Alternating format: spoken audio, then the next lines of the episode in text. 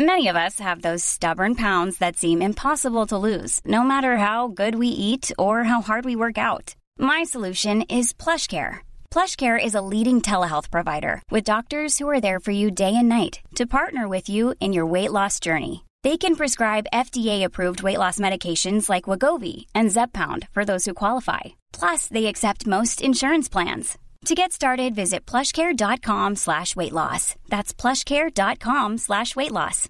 Hey, Dave. Yeah, Randy. Since we founded Bombus, we've always said our socks, underwear, and T-shirts are super soft. Any new ideas? Maybe sublimely soft. Or disgustingly cozy? Wait, what? I got it. Bombus. Absurdly comfortable essentials for yourself And for those facing homelessness. because one purchased equals one donated. Wow, did we just write an ad? Yes. Bombas. Big comfort for everyone. Go to bombas.com slash ACAST and use code ACAST for 20% off your first purchase. Hej la la la, hej la la la la, Nej, men la, nej, nej, nej, så där började du förra veckan. Gjorde jag? Ja, och nu är det slut med dina bebisljud. Okej, För det det är här är ju Partypodden. Ja, vänta, ta från början.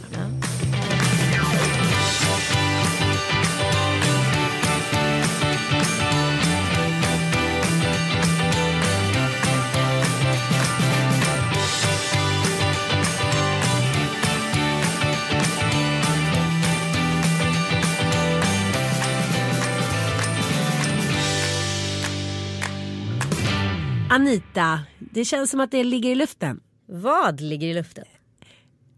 Party! Ja, det gör det verkligen. Ja. Det här är festpodden. Ja, Partypodden. Kan det är inte du- dags att vi liksom sätter på oss klackarna och har lite kul. Ja, och sluta vara så här sura bitterfitter. Eller hur? Ja, jag nu, håller med dig. Vet, nu har det kinesiska nyåret slagit in här. Nu har vi bytt djur. Ja, nu Ja. är det en apa. Nej, det jag tror alltid att det är en apa. Det säger du varje gång. Det är inte en apekatt utan det är en råtta. Nej vad ska jag? Jo det är tuppen! Det är, Ja! det är tuppens år. Den fåfänga. Det fåfänga året. Med mycket fest och flärd. Underbart. Marco, Med- kan och- du lägga in en, en tupp som gol? Tuppens år, det tycker jag låter jäkligt bra. Ja, tuppen är året utav fåfänga och eftertanke. Så att det är mycket fest och flärd men också så här kontemplering och det gillar jag ju. Det gillar jag. Men du, jag måste bara förtydliga här. Du sa till mig förut att man kan gå och göra en östermalmare. Du kan inte, du kan inte ta upp det Jo, här. men jag måste erkänna. Jo, varför kan vi inte det? Ja, ja. Ja, nej, men jag tycker att det är så roligt för att ibland låtsas ju jag att jag förstår vad du säger för att jag så här, inte vill verka som att jag ligger under en sten och ammar 24-7 vilket jag gör. Nej det gör jag inte. Men människor du visar, uttryck du säger och jag förstår ju verkligen inte ens hälften eller känner igen hälften men då så här låtsas jag så googlar jag lite så bara ah. men, men, men det här med Östermalmare det finns verkligen någonting som heter det. Ja, det kallas för det. Jag tycker det är så roligt. Vad är det då? Det är en, ett ingrepp i underlivet där man så här tajtar till Ja. ja, nedre regionerna om man nu kanske har haft lite problem med läckage och så vidare. Eller bara känner liksom att man vill ha en allmän fräschör där nere efter man har fått väldigt många barn. Och att man fixar då i samma, under samma narkos. Lök, Hostade du lite tyst nu? Nej, det gjorde jag. Lökarna och så vidare. Eh, och kanske göra en liten tummy tuck om man behöver göra det. Det vill säga att man drar ihop magmuskulaturen och får en bättre passform kanske man kan säga. Wow. Så, vadå? så det är liksom en så här, det är en narkos med tre ingrepp. Och sen ska du typ ligga still i så här en månad. Det får vi väl se an om du klarar av. Vadå? Under samma narkos gör man alla tre ingrepp? Det är det på- det påstås. Sen vet jag inte om det faktiskt funkar. Men det är det som det sägs. Det kallas, det kallas för en östermalmare. Det låter lite som att man ska gå till korvkiosken och säga så här. Ah, Jag tar en östermalmare med ketchup. Kan jag få en härta härta? wow. Har du några mer roliga uttryck du kan lära mig? Nej inte idag. Du du får- du får- Södermalmare, vad är det? Det är, det är att inte göra något. Gud vi kommer så mycket skit. Mellow. Hur fan lyckades den passera så ouppmärksammat? Det skulle aldrig ha hänt på Piccadilly Circus-tiden. Eh, nej. Nu behöver vi inte ens gå tillbaka så långt i tiden. Vi kan gå tillbaka tre år i tiden. För en förskjutning har skett. Internet har tagit över. Det är ju uppenbart. Ja. Och Jag hade ingen aning om att det pågick en melodifestival förrän jag typ kollade på Instagram. Jag har liksom tappat nyhetsflödet. Mm. Jag är inte längre intresserad av nyheter. Jag vet inte vad som har hänt. Det kanske är för att jag är i en viss fas i livet. Så brukar det ju vara. Allting har sina så här olika perioder och faser. Men jag öppnar typ inte en kvällstidning, knappt en dagstidning. Okej, nej men jag tror att det har en hel del med, med den fasen du går igenom. Manko, kan du spela lite, någon liten mello-låt? Piccadilly Circus. Till Piccadilly Circus tar oss nu Pernilla Wahlgren.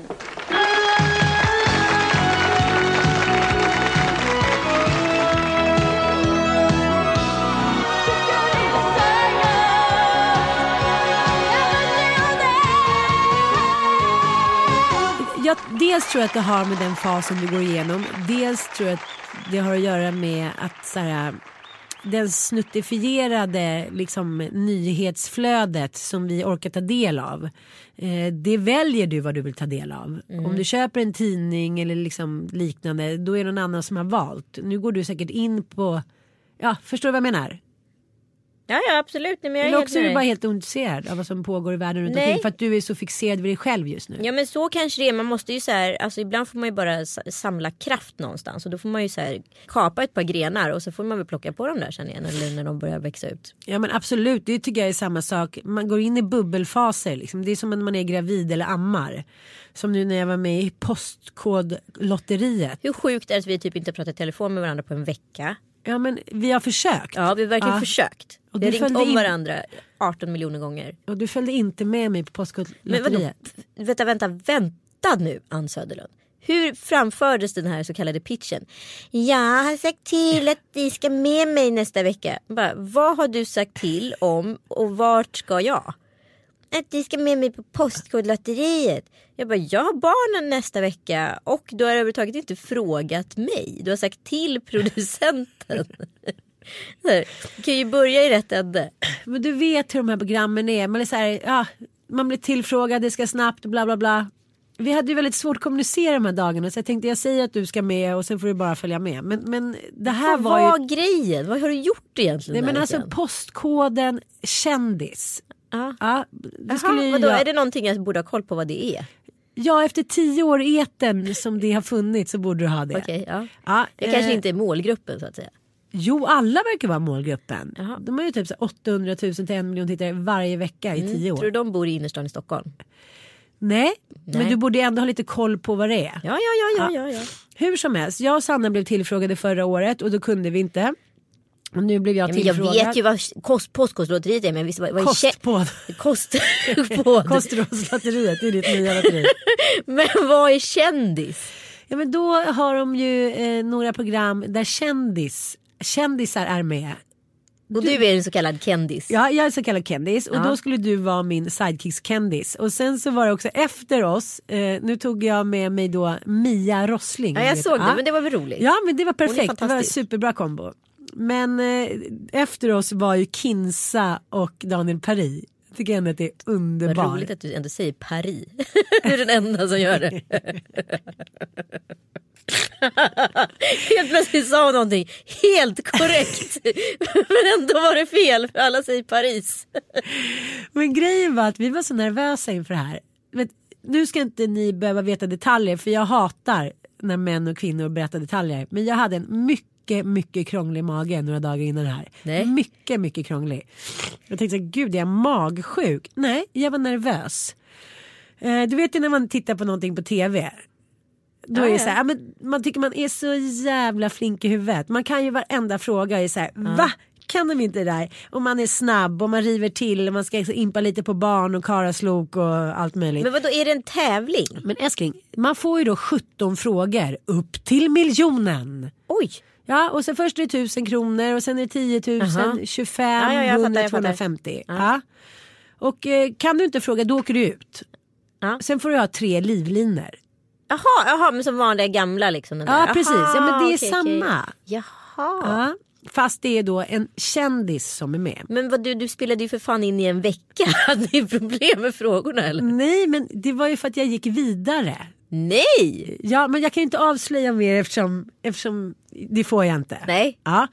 Men eh, det var i alla fall väldigt roligt och eh, väldigt läskigt. Och jag ville ju då ha lite revansch efter min På spåret fadäs när jag bara blev så stressad och inte visste vad jag gick ut på.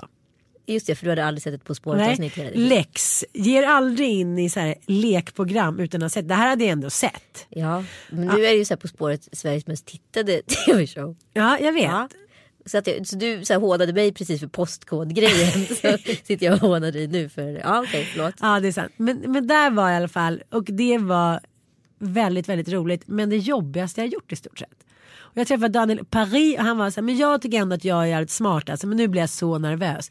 För att det som slår när man sitter där, det handlar ju egentligen inte om vem som är mest påläst. Det handlar ju om dels ett, ha flyt. Ja. Och få liksom, alla kan ju inte allt inom var, samma genre. Nej. Och det är en person förut på det här kändiskodlotteriet som då har vunnit en miljon och det är Alexander Pascalidou och hennes sidekick. Ja, det var ju inte så oväntat. Nej absolut inte men då kom de upp till miljonen. Men vissa frågor är ju helt enkelt så att man kan inte ha en aning utan man måste bara så logiskt försöka utesluta olika. Ja. Som en fråga jag satt, som vi fick som jag satt med så här, men i tio minuter. Och Jag var så här, men gud, hur ens möjligt? Hur ska man räkna då? Man försökte visualisera det framför sig. Döda människor, döda ting, byggnader som har raserat. Alltså man får ju bara så här försöka göra en liksom Förstår du vad jag menar? En så här, beräkna ungefär vad som är trovärdigt. Vad ringde du för livlina? Eh, min kompis Henrik Huldkiner som satt och käkade lunch som var helt borta. Men då är det ju bara 30 sekunder. Ja, Man hinner ju knappt.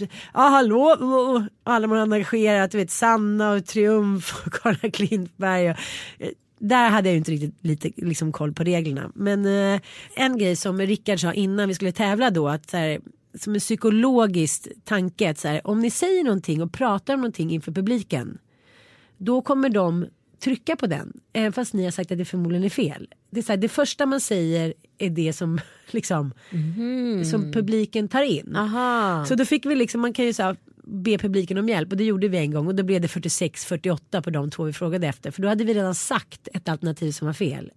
Förstår du? Det är ganska intressant.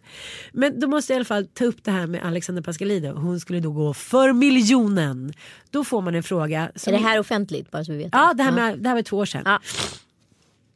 Då var frågan, vad hette hästen vars huvud höggs av i Gudfadern? Mm. Och då kunde man ju ändå så här, ja, det, de som kan hästar vet ju att det var en fullblodsarab. Mm. Så var det då fyra namn. En var italiensk, en var engelsk, en var arabisk, bla bla. Då kan man ju ändå så här på något sätt göra en uteslutningsmetod. Mm. Men då var de jävligt liksom modiga eller dumdristiga, inte vet jag. De chansade på att det var då det här arabiska namnet och det var rätt. Då har man ju 500 000 och så, så får man ju, allting dubblas ju hela tiden. ja, just det. Rätt coolt. Rätt coolt. Ja, men det sa producenten också. Man märker att när man inte tävlar med sina egna pengar så är man mycket, mycket modigare. Ah. När man sitter själv då är det så här, nej jag stannar Jag där, tack stannar. så mycket. Ja. Men när man ska så här, spela för någon annan då bara, äh, vi kör, vi Ja, kör. ja. Ja, det var i alla fall väldigt spännande och kul. Kul! Ja, om några veckor får ni veta hur det gick.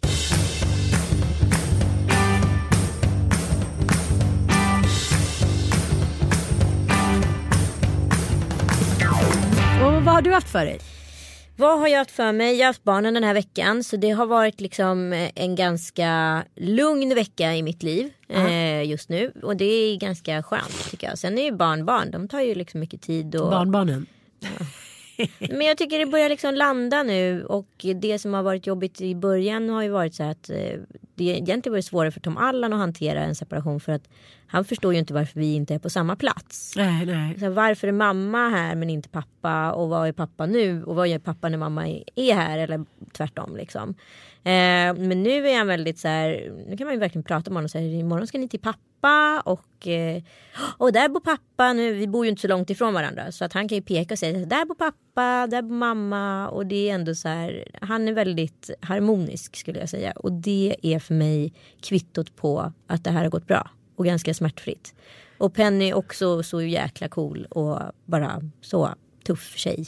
Ja, to die for. Men jag, jag liksom, vad snabbt det ändå har gått. Ja. Jag tycker så här, nu är det fyra år sedan som jag och mitt ex separerade. Nu tycker jag liksom att det börjar landa med alla killarna och vi hittar roller. Och, men det kanske handlar om att, också att jag träffade Mattias så snabbt. Ja. Och att de också var mycket, mycket äldre. De var inne i övergångsperioder. De var liksom sex, åtta och tio och skulle fylla sju, det, nio och det var elva. det, den rekommendationen jag fick utav en kompis till dig faktiskt. Som var så här, men gör det så fort som möjligt. Alltså så här, håll inte på det för barnens skull. För de tar mest stryk liksom. Så att det var ju faktiskt skitjobbigt i början med Tom Allan liksom, som inte förstod den här förvirringen och kände sig väldigt liksom uppriven skulle jag uttrycka det. Men nu är ju han otroligt cool och det är ju Penny med. Och vi har, men henne kan man ju kommunicera med så det är ju en helt annan Alltså där kan man ju uttrycka sig på ett annat sätt. För honom är ju allting mycket mer abstrakt. Så att det utifrån perspektivet att, så här, ja, att göra det fort för barnen så är det, måste jag säga, det bästa rekommendation jag fått. För de har tagit det väldigt bra. Det har gått fantastiskt. Men jag tänker ändå att på 30 år så har det hänt så otroligt mycket. Om man ska se på familjebilden som har varit liksom i tusentals år. Så när jag, mina föräldrar bråkade så var jag så här, men gud, alltså, det fanns inte överhuvudtaget alltså, i min värld att de skulle skilja sig. Jag skulle ha gått under då. Det fanns ju en i varje klass som var skild och det var lite konstigt liksom. Eller jag vet inte ens om det fanns någon i varje klass. Men nu så verkar det som att barnen tycker att det är mer regel än undantag att deras föräldrar skiljer sig. Ja men alltså Pennys förskola det, och Tom Allans med, de har ju samma. Det är ju 60% av föräldrarna där är ju separerade. Redan, förlåt om jag säger så. Men, men och, och då tänker man så här om Men 30 det, det är ju år, kanske nackdelen av Östermalm. Det är så högpresterande liksom, eh, alltså, område i Sverige. Där alla liksom satsar stenhårt på sina egna karriärer. Liksom. Ja, för det är ju, skilsmässofrekvensen är ju mycket högre Mm. i storstan än ute på landet. Ja, och där är också barnstatistiken också högre Ja, än ute på landet. Så det är kanske om man, om man verkligen skulle ställa det mot varandra utifrån de premisserna och se det ur relationshänseende snarare än åldershänseende så tror jag att man kanske skulle uppnå ungefär samma resultat. ja men, men då måste vi ändå också ta upp det här att ni var faktiskt på samma fest i lördags. Felix 50-årsfest. Ja, precis. Eh, Du var lite nervös innan. Ja men man vet ju inte liksom. Alltså, det är ju klart att vi har, vi har en jättebra relation liksom på det stora hela. Men liksom eh, sen vet man ju inte. Det är ju laddat att se en person ute i, en, i ett också säga ja men han får ju faktiskt om han vill hångla med någon då får ju han göra det och det får ju jag med. Alltså, du vet det blir så geggigt bara den tanken. Och sen får man väl hoppas på att båda har prestigen och inte göra det liksom så öppet kanske man skulle säga. Men jag träffade mitt ex från typ högstadiet gymnasiet som var så här, ah, vi gifte oss på Hawaii i somras. Jag bara, jaha. Nej men lite så här, jaha, gick ni gifta? Alltså det var ju ingenting, men det var det bara kändes lite konstigt fortfarande, förstår du? Och då kan man tänka sig om jag skulle se mitt ex här ute på krogen stå och hångla med någon. Alltså, nej men gud! Ja men du vet det är ändå så här laddning och min det är snubbe, mycket alltså. människor där som känner oss båda, en god relation till oss båda och det ju, finns ju ingen skugga på någon här. Men det gick så bra, vi hade ett snack eh, dagen innan som var liksom helt okej och då bestämde vi bara men det, är inget, det ska inte vara någon tjafs där liksom. Vad som än sker, liksom, hur, om vi är sura på varandra eller om vi är glada på varandra. Vi ska inte hålla på med någonting. Men du vet alkohol, det kan bli geggigt liksom. Ja, Man har ingen aning. Liksom. Men det gick så jävla bra och vi skötte det så snyggt. Och sen så hade vi ett skitfint samtal på kvällen och så slutade det med att vi käkade faktiskt frukost dagen efter med barnen. Ute på restaurang på söndagen. Så det är jättebra och nu känns det ju fantastiskt igen liksom. Wow. Ja för det där skulle ju kunna gå riktigt. Men, men samtidigt var det, det var en väldigt stor fest. Det hade nog varit annorlunda om det var så här för- 40 intima som satt vid ett bord. Ja men där måste man ju credda värdarna. Det var ju stå, stört bra placerat. Man hade ju verkligen tänkt på alla. Förstår du vilken implosion det här var utav människor? Så många konflikter i samma rum. Var det inte fler nyskilda? Jo, så många nyskilda som båda paren var eh, bjudna. Så många, alltså det var ju så här, det var ju festernas fest. Men det är ju coolt med Felix. Han har ju en effekt på människor eh, runt omkring sig. Och man är så jävla glad att få vara en del av hans fina nät. Liksom. Men du vet, han, om man ska ta det till någon typ av så här, krigarera. Då är ju han så här, när stamfadern kallar, då kommer alla. Ja, jag, fattar, Jag kan fattar. tänka mig att det inte var speciellt många avbokningar på den där kvällen. Liksom. Nej det kan inte jag heller tänka Alla mig. var där. Och alla reste liksom, oavsett från vilket hörn på jorden man var. Så kom man dit. Och det var en jävligt eh, häftig liksom, känsla. Det var så roligt. Jag pratade med en killkompis som hade varit på så här. Ja men du vet barnfest i söndags. Ja. Och sen han kommit dit så hade värdparet kommit en timme senare. Salla hade suttit i den här lokalen och väntat. Ja. Och då sa han så här. Det Ja, så var det inte på. Nej men, men att det är så här att vissa tycker att de kan bjuda på fest men inte så här överhuvudtaget anstränga sig. Nej. Det är också väldigt märkligt. Det är väldigt märkligt Ja. för här var det ju någon som har ansträngt sig. Ja. Inbjudan kom tre månader innan. Eh, det var tydligt liksom arrangerat vart man skulle befinna sig när och varför. Mm. Eh, att vi var, först var fördrinken på Rose, det vill säga en nattklubb på Hamngatan skulle man kunna säga. Mittemot Berns ungefär i Berzelii park. Eh, och sen så var själva middagen inne på gården på Hallwylska palatset. De hade byggt upp ett jättestort partytält. Och sen så var själva efterfesten på en lokal som heter Nio rum. Älskar ni dem? Älskar Nio rum. säger Där kan väl du och jag ha en fest? Ja, men jag tänkte när vi gifter oss. När vi gifter oss, tror jag. Igår så fick jag igen en längtan efter att gifta mig.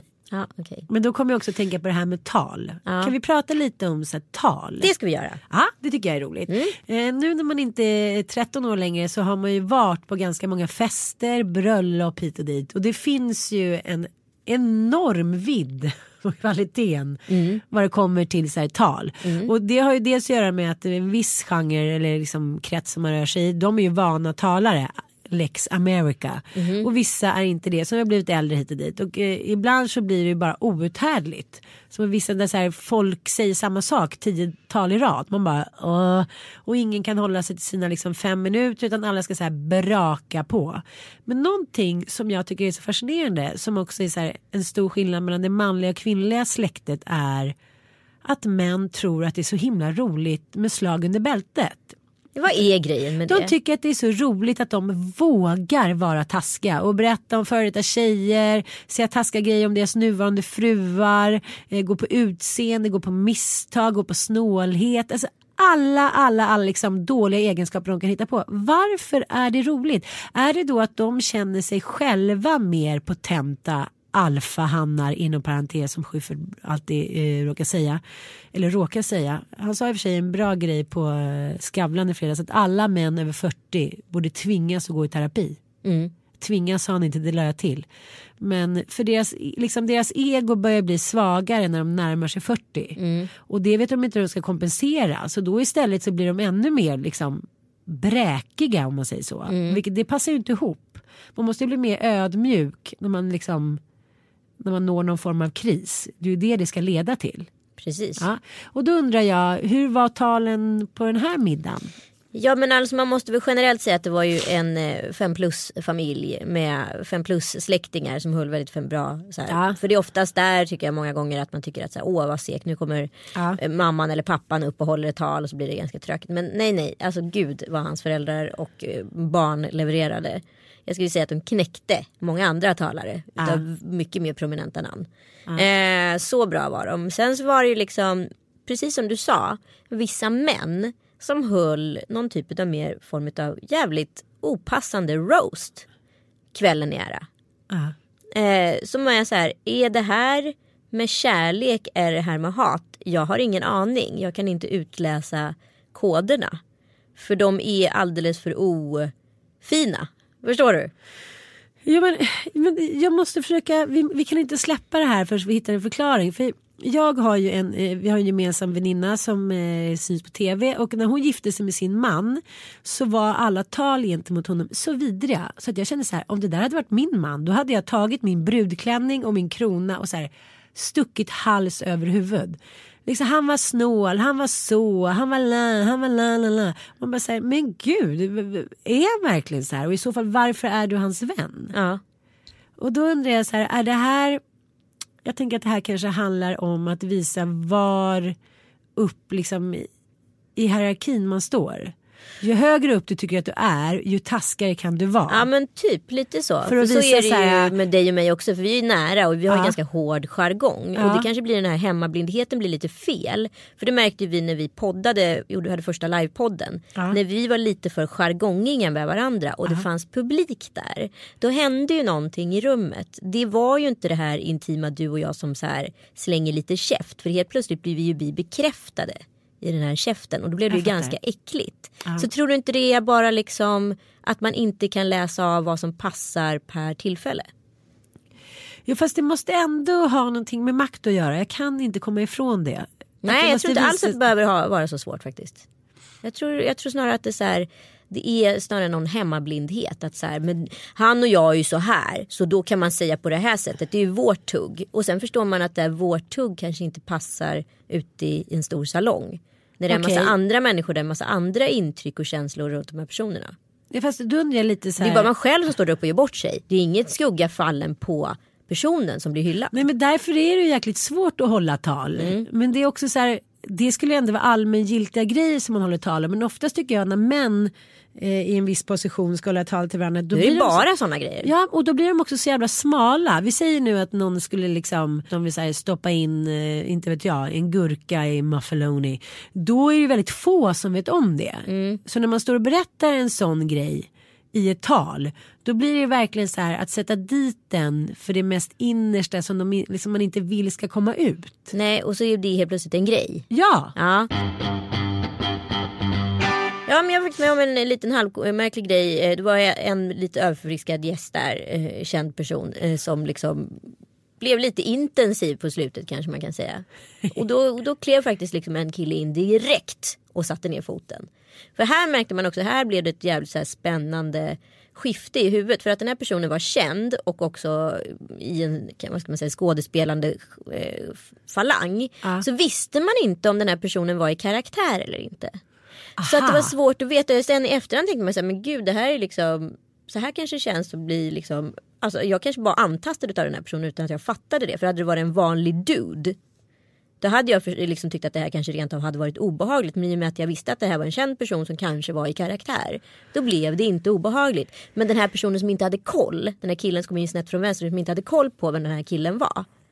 Han bara, var, för honom var ju det bara en vanlig dude som var så här backa. Liksom. Men det tycker jag ändå är sympatiskt. Oerhört sympatiskt. jag tycker så, så otroligt uppfriskande och kanske lite upphetsande. När Med folk civilkurage. säger, ja, när folk säger ifrån. För ibland kan man ju vara på fester när någon stackars överfriskad sate höll jag på att säga. Bara går omkring och gör bort sig timme efter timme. Och ingen går in. Och de vaknar upp dagen efter och har liksom ångest i veckor och månader. Då kan vi väl aldrig mer träffa de här människorna. Det har jag varit med om. Ja, så men herregud, om inte partnern ska säga till, ska jag säga till då? Nej men exakt. Ja. Ja och sen måste jag också ta upp en sista grej om eh, ömhetsbetygelser och tal. Det är också så här att som tjej måste man prestera så satans mycket bättre för att det inte ska bli så här. Ah, gud vad hon gick och sjöng och det blev sliskigt eller vad, vad hon skulle hålla talet och så här, börja gråta. La, la, la. Jag tycker det är så överallt att en tjej måste så här, vara tusen gånger bättre för att få cred för tal och liknande. Eh, ja, det är bara en känsla jag har i alla fall. Jo men så är det ju, det är ju en uppförsbacke liksom. Och jag kände också så här, ansatsen var ju ganska så här. Jag hade, jag hade ändå så lite, jävligt stressad innan den här festen. Jag ville känna att här, jag vill känna mig på mitt bästa sätt, mitt bästa jag. Ja. Och då får jag liksom så här kalla in det stora artilleriet. Liksom. Du ska köpa liksom en ny blåsa Anita som du ska här, känna dig håll käften snygg i. Och känner du dig håll för- käften snygg då har du fått lite bättre självförtroende. Sen ska du fixa håret och tänka igenom din look. Då kommer du bli väldigt nöjd och så ska du ha en jättefin sminkning. Och så gjorde jag det och det, kan, det hjälper ju jävligt långt. Ja, fake it till you make it. Fake it till you make it. Ja. Och sen så blev jag ju bekräftad där inne för just de grejerna. Mm. Och då blir man ju väldigt, då blir ju väldigt, livet väldigt mycket lättare att vara storsint. Det där är ju jäkligt orättvist måste jag säga gentemot män. De har ju också dålig självkänsla och det är liksom Verkligen. puckar de ska över. Och Särskilt när du skulle på fest med Kalle för första gången. Lite andra intriger, hatten och datten där. Då kunde du liksom köpa dig till ett självförtroende Exakt. tillfälligt. Och jag gick fram till Filip Hammar direkt Mm. och sa bara Hej Filip vad kul att du är här. Eh, hoppas du får en fantastisk kväll. Och så gav jag honom en kram. Och så sa han samma till mig. Och sen pratade inte vi mer med den kvällen. Men då var ju den konflikten löst. Ja. Det är ju Eh. oftast inte så stort som man tror. Nej men jag hade ju inte vågat gjort det om inte jag hade haft mitt supersjälvförtroende. Nej. I outfit. Sant. En annan jävligt bra grej för att vara fem plus på som tjej. Det är faktiskt att prata om någonting så okvinnligt och kanske osvenskt som summor. Hur mycket tjänar du? Jag? Mm. Ganska mycket. Ja. Kan du säga några siffror?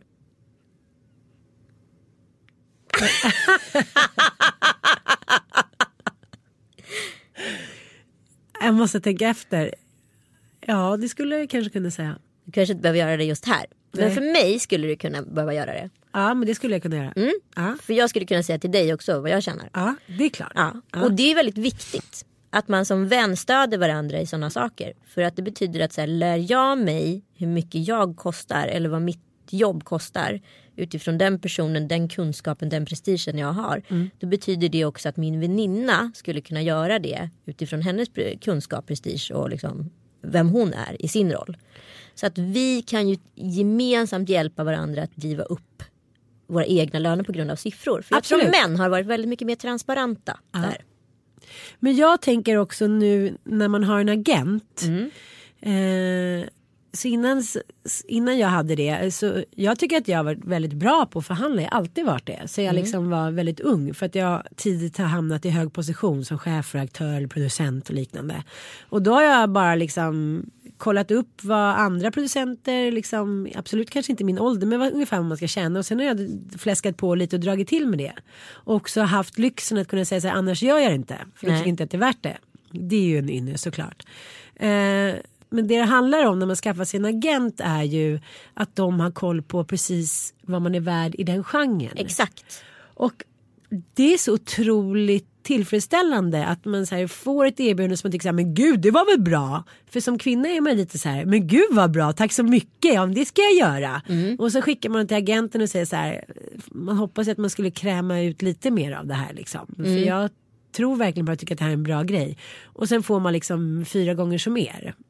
Mm. Och då tänker man så här att ja, men vadå, vi har inte de pengarna hit och dit. Jo, det har alla stora företag. Liksom, de har ju miljarders miljarder. Varför skulle du då liksom vara något face i deras kampanj eller liksom något liknande och inte få en spänn? Och så tycker jag. Nu pratar vi så himla liksom navelskådande, men det gäller liksom. Jag tycker att det gäller överlag. Ja, men framförallt så här, vet din prislapp då blir det lättare att prissätta dig själv Ja. och då får du för mycket självförtroende i det. Så det det är en egoboost. Jag har ju två gamla föräldrar som kanske kommer gå bort inom garanterat tio år. Liksom. Och sen är det jag och mina barn. That's it.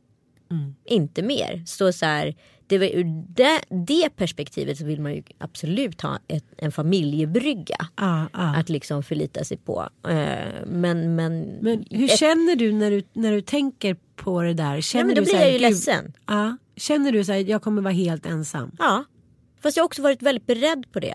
Ja. Men eh, det finns ju en sorg i det. Vad ska jag säga? Det är ju en absolut svaghet. ja. Ja. Men det var samma sak som när jag och eh, pappa åkte till graven i onsdags för att det var 20 år sedan mamma gick bort. Då tänker man ju så här, gud vad annorlunda mitt liv förmodligen hade varit om hon hade levat. Eh, alltså jag tror att jag kanske inte hade varit någon helt annanstans men jag Nej, det, det är bara så här sliding doors hela jävla tiden. Man bara säger någon blir sjuk hela tiden så här folk, ja nu har jag cancer, nu har jag det, den dog, den hit och dit liksom. Uh, men det var så också så otroligt jobbigt att stå där för jag blev så himla, alltså nästan som att jag stängde av.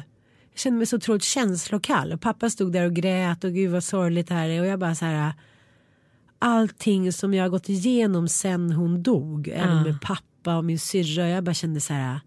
Gud vi står inte här på samma plattform. Och sen fick jag så skuldkänsla att jag kände för lite medlidande med pappa. Liksom. Jag behöver inte gå in på varför jag kände för lite medlidande. Men jag bara kände så här.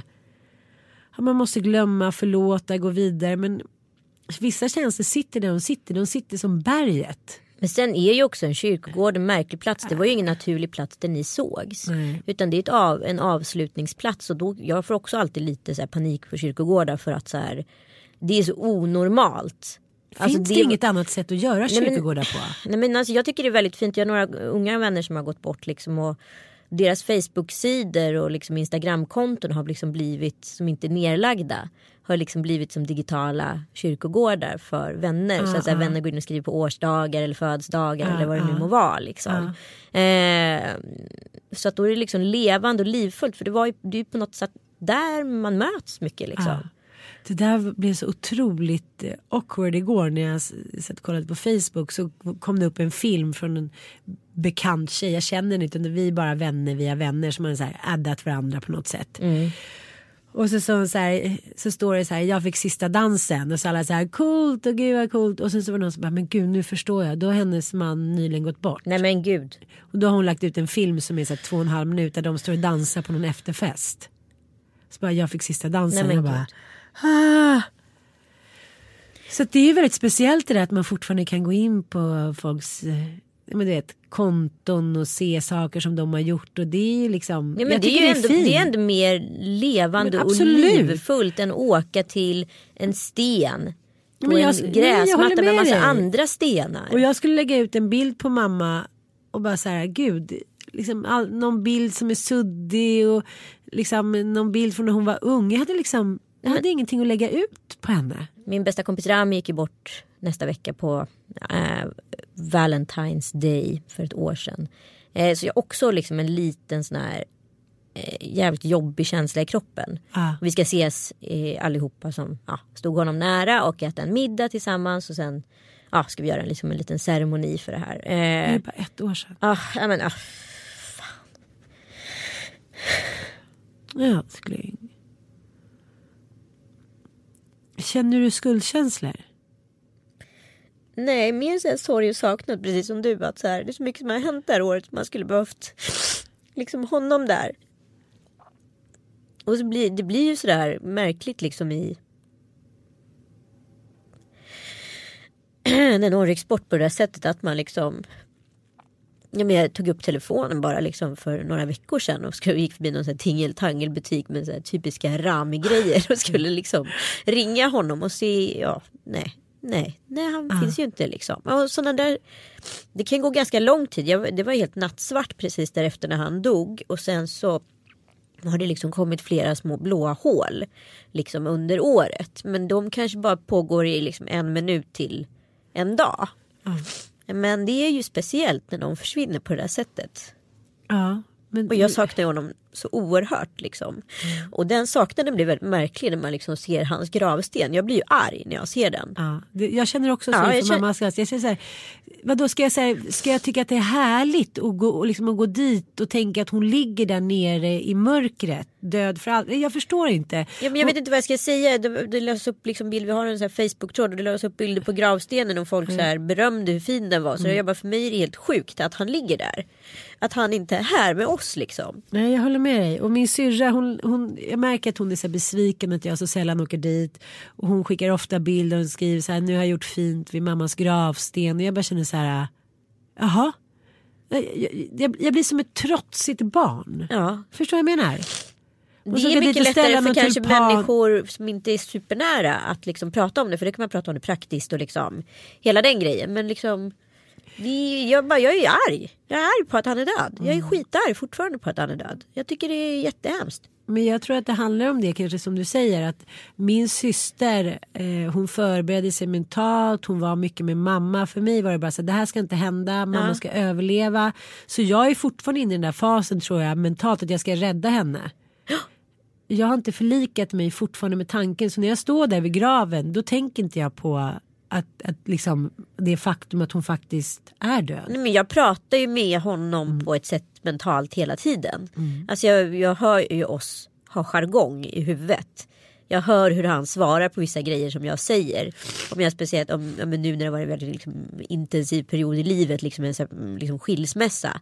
Då hör ju jag hur han rantar och liksom så här, ger mig kloka råd och också så här, hånar mig på ett sätt som jag behöver. Ah. Eh, ja men du förstår, för ibland Ja, behöver man lite liksom, distans till sig själv. För liksom, ibland har jag fallbacks och ibland har Kalle fallbacks och sen så går det jättebra en period och så håller det på sådär liksom. Och det är så jävla skönt att ha honom där i huvudet som säger det. Men man önskar ju ibland bara att där i huvudet var en riktig röst liksom. Ah.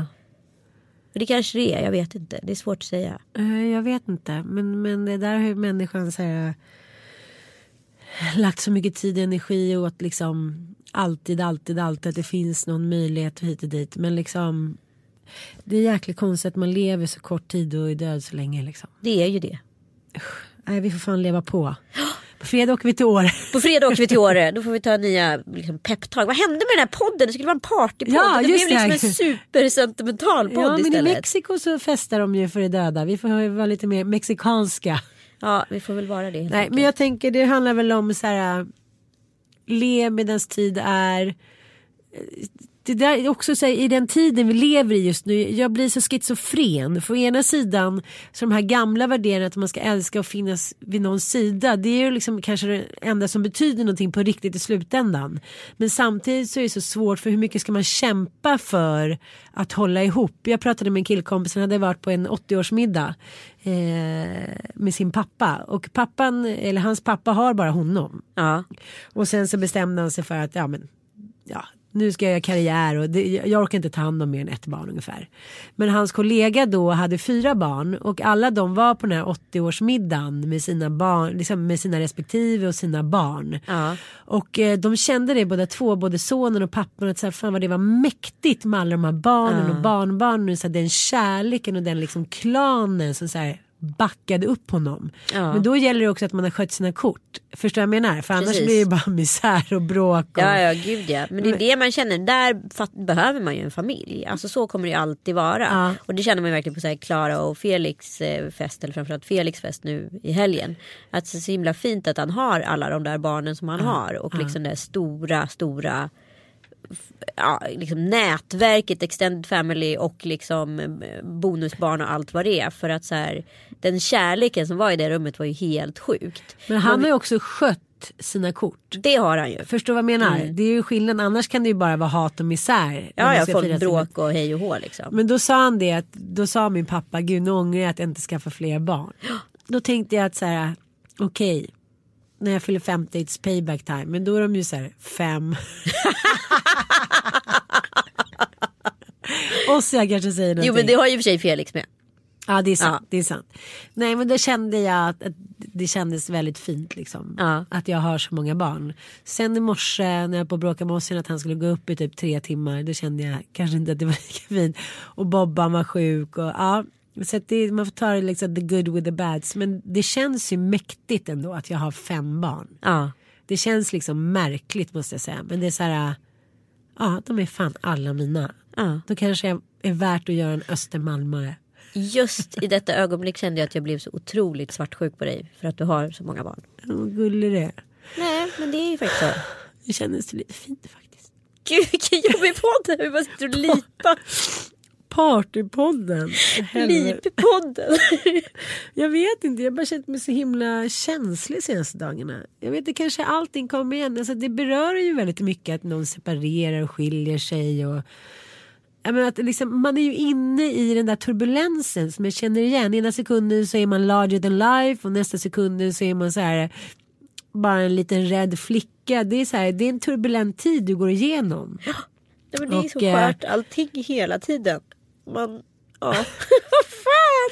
There's a party going on right here. inte köra lite festmusik. Happy birthday to you. Samtidigt sitter du och Manko lipar. lägger in lite happy birthday. Det är jätteroligt. Ja, men jag har i alla fall träffat hon den här, han den här skam. William, Ja. just det. Du träffade honom. Sta- var det inte lite så här, förlåt mig, nu ska inte jag ranta. Jag, jag var var ju på, jättesvartsjuk ja, för men dig jag som måste var säga där. var jag var någonstans. Jag var ju på Riksarkivet på Daisy Grazy. Eh, festen. De eh, visade sin nya kollektion via en film. Just det. Ja. Men vad, blev det inte liksom, jag tänker han är ju 19-20 år. Kändes det inte, han måste ju känt att så här, all, han var apan i buren och alla tittade och tog kort. Men det var ju några som kom fram som han, inte, som han vägrade ta bild med. Nej, Jo. Men det förstår Eh, jag. och Det hade, ja, det förstår jag också. Men det här blir lite löjligt för mig. För jag kanske fick 20 sms under kvällen där det stod så här.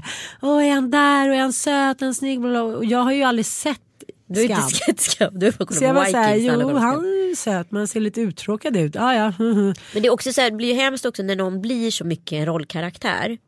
Ja. Och sen så den här verkliga personen bakom, jag kommer ihåg när så här, Johan Rheborg var som liksom mest stor som Freddy i Solsidan. Ja, Eh, och sen så Johan är ju väldigt så här, känslig och liksom en väldigt annorlunda person än vad Fredde är. Liksom. Eh, och att folk bara var verkligen så här, "Åh, bara, wow Fredde kom igen. Alltså så här, säljarkillar liksom. Och, när man inte, och det var, kändes väl lite kanske att det kunde vara så med den här killen. Jo men då var fall Reborg typ 42 år. Ja, Alltså, nu jo, den men här killen, han är 19 år. Men det var så roligt för att han, han satt där och såg ganska uttråkad ut såklart. Men eh, mina, mina syskonbarn, alltså min syrras döttrar, de hade ju varit på Brillo när han var där i fredags. Då hade det inte varit så. Nej, Nej, men då då var det ju hans varit- eget valda sammanhang. Precis, precis. Men eh, ja, det tillförde ju ändå den där festen en hel del måste jag säga. Men, men jag brydde mig inte så mycket om Vem det. hade han till bordet? Var det Chloe Schuterman som skulle ta hand om honom? Under hans vistelse här. Ja det var det ja. Ja. ja. hon satt där. Eh, och sen lite andra människor som jag inte kände igen. Men jag satt bredvid Hanna P. Det tyckte jag var lite Det var roligt ju. Och sen på min vänstra sida satt eh, Nicky. Mm. Från Idol-juryn. Ja men det var ju kul. Ja, och jag är väldigt förtjust i henne. Ja. Ja, och hon vet ju inte vem jag är, alltså på det sättet. Så att, eh, det blir alltid lite konstigt i början. Eh, särskilt Det var väldigt jag... roligt i Instagram du la upp att du själv var stekhet. Ja men det hade ju hon skrivit. Ja, för jag hade först skrivit någonting om Liam och då tog hon telefonen och sa men gud vad du är tråkig. Skriv någonting sånt här istället då får du mycket mer likes och kommentarer. Jag bara en kommentar från dig. Modest, helt torrt. men grejen är att jag är ju besatt av Liam du vet. Liam vem? som vann Idol. Jaha, jag vet inte ens om det är. Okej, men jag är alltså svårt besatt av honom. Jaha. Alltså svårt besatt. Oj, På ett sätt att jag har sett alla fredagsfinaler. nej men gud. Ja. Ja, och eh, ja, men Dante får ju sitta med mig såklart. Eh, Dante nu är det Idol. Men jag Min gärna mamma vill gå på suttit- Justin Bieber, följer ni med?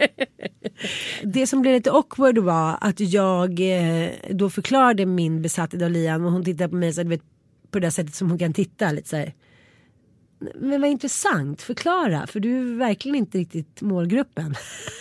nej. Jag bara nej nej men då kommer jag fram till att jag tänker ju att det är Ossian. Ja, ja, ja. som ja, liksom så här, kommer, han har haft det jobbigt med sin mamma lite grann och han kommer från, han är en underdog, han har liksom bara sjungit lite på så här, ja men du vet fester innan. Så att jag hela tiden, och så är de lite lika så här, ja men snygga killar som är så här långa. Så att hela tiden så är det så här, jag hejar på honom som att han typ vore min son. Men det kanske ja, inte var så lätt att förklara för henne. Men det var en väldigt rolig fest i alla fall. Eh, riktigt party blev det måste jag säga.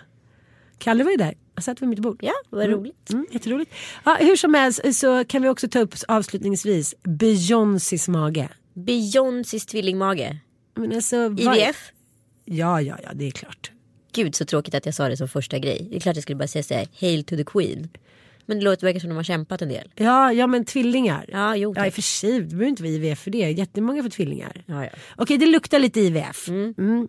Men nu har vi fördomar. Ja men det har vi ju jämt. Det spelar ingen roll, det är fantastiskt. Men Vi är den jätteglada för showen, Beyoncé. den showen, den bildscenen hon har lagt upp. Ja men det är Gud, från jag paper. ångrar mig. Vad, Vad, vad, vad, vad gjorde du sånt där announcement för? Ja, verkligen. Gud. Varför skulle jag vara så himla modest och så här, Alla bara säger, Åh, så, efter vecka 12 ska man visa ett litet put och det ska vara väldigt diskret eller ska man lägga upp ett så här, eh, vad heter det, ultraljudsbild. Men jag var ju inte riktigt into att vara gravid igen. Hon har ju väntat förmodligen flera år. ja, då kanske man celebrerar Jo fast mer. jag känner ändå så här, celebrate the s- belly. Det var liksom, jag tycker faktiskt att det var jävligt roligt. Nej, det var riktigt. Hon gör, hon gör alla rätt. Hela Alltid. tiden. Har hon någonsin gjort någonting som varit dåligt? Nej, jag tror fan inte det. Hail Nej. to the queen säger Ja. jag bara. Hail to the Queen, där är det party. Där är det fan party. Och hon ber inte om ursäkt för sig Mm. Nej. själv inte. Och det gör inte vi heller. Vi, vi, vi tänker inte heller be om ursäkt för att det här blev en gråtpodd. Det blev, men det är väl lite som... Men det är väl fest? Det var ja. som ett tal! Det var Ja, talpodden! Ja, men det är lite som också att det, det är på festrätt. Först då känner man på alla är så glada och sen så börjar man gråta lite för att man liksom ska tala ut eller någonting och sen blir det party igen. Ja. ja perfekt. Partypodden. Ja, party på. Puss och kram. Puss! Hej.